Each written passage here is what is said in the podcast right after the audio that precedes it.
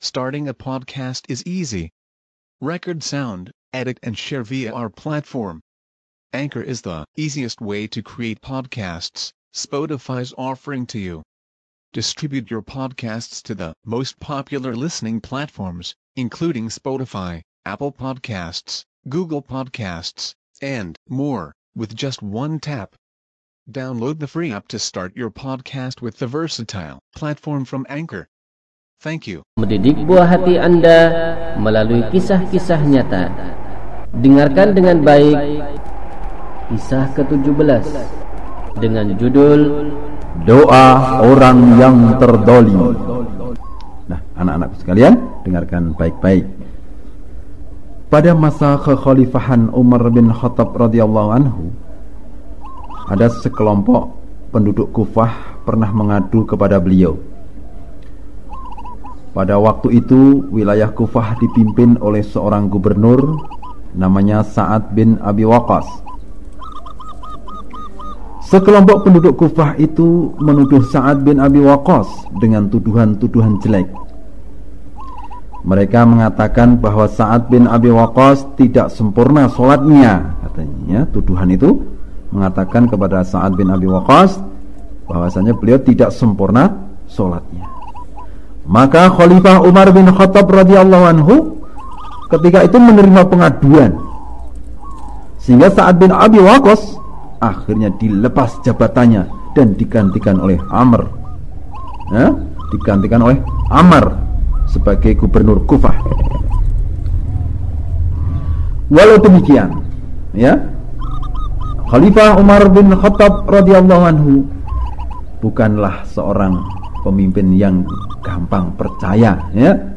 Namun beliau adalah seorang yang sangat cerdik sekali. Maka beliau segera memanggil Sa'ad bin Abi Waqqas dan bertanya kepadanya. Wahai Aba Ishaq, sesungguhnya penduduk Kufah menuduhmu bahwa engkau tidak sempurna solatnya.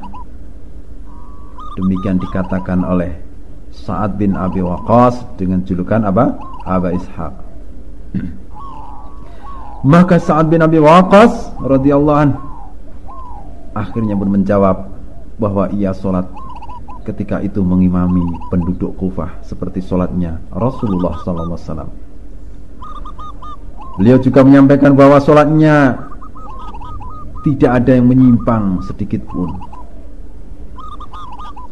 Maka ketika mendengar penuturan Sa'ad bin Abi Waqqas, Khalifah Umar bin Khattab radhiyallahu anhu Akhirnya apa? Mengutus seseorang untuk pergi ke Kufah untuk mengetahui sikap penduduk Kufah itu bagaimana, ya?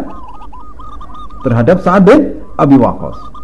Sesampainya di Kufah, pada setiap masjid ditanyakan tentang keadaan Sa'ad bin Abi Waqqas. Ditanya, gimana Sa'ad bin Abi Waqqas di dalam mengimani mengimami kalian dan sebagainya dan sebagainya. Terus setiap masjid ya yang ditemuinya. Ternyata sebagian besar penduduk Kufah memuji kebaikan-kebaikan Sa'ad bin Abi Waqqas radhiyallahu anhu. Maka tatkala dia masuk ke Masjid Bani Abbas, di sana ada seorang laki-laki yang berdiri. Laki-laki yang berdiri itu berkata, "Jika kamu bertanya pada kami tentang Sa'ad bin Abi Waqqas, maka ia adalah pemimpin yang tidak pernah memimpin pasukan dia juga tidak membagi harta rampasan perang dengan adil. Dan dia menentukan hukum dengan tidak adil. Anak-anakku sekalian yang dirahmati Allah Subhanahu wa taala. Ini laki-laki yang berdiri di dalam masjid tadi, yakni Masjid Bani Abbas. Siapa ini anak-anakku sekalian? Dia ini bernama Usamah bin Qatadah, biasa dipanggil Abu Sa'dah. Mendengar tuduhan ini, Sa'ad bin Abi Waqqas radhiyallahu anhu berkata pada dia, "Demi Allah, sungguh saya akan berdoa dengan tiga perkara. Ya Allah, jika hambamu ini berdusta karena riak dan sumah, maka panjangkanlah umurnya dan lanjutkanlah kemiskinannya serta timpakan cobaan padanya." Anak-anakku sekalian, yang dimuliakan Allah Subhanahu wa taala. Sa'ad bin Abi Waqqas berdoa kepada Allah karena merasa didolimi, dituduh yang tidak ada dasar sedikit pun tuduhan itu. Maka wa subhanallah doa Sa'ad bin Abi Waqqas ternyata mustajabah, terkabul. Ya, didengar oleh Allah langsung hari langit ketujuh. Ya, didengar langsung oleh Allah Subhanahu wa taala. Dikabulkan artinya ya, anak-anakku sekalian, dikabulkan. Akhirnya Abu Sa'dah benar-benar menjadi seorang yang tua renta.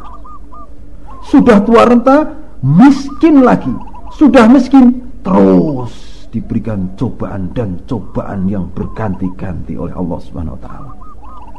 Nah, anak-anakku sekalian, demikian tadi akibat orang-orang yang dolim, ya, orang yang dolim dan hati-hati kalian, adik-adikku sekalian dan anak-anakku sekalian, jangan sampai kita mendolimi orang lain.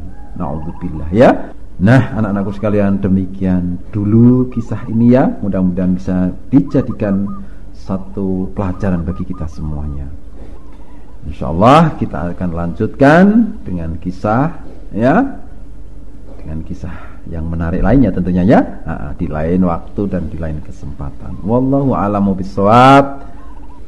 Sumber bacaan hadis riwayat Al Imam Al Bukhari rahimahullahu taala dan Al Imam Muslim rahimahullahu taala dari Jabir bin Samurah radhiyallahu taala anhu dalam Riyadus Salihin hadis nomor 1505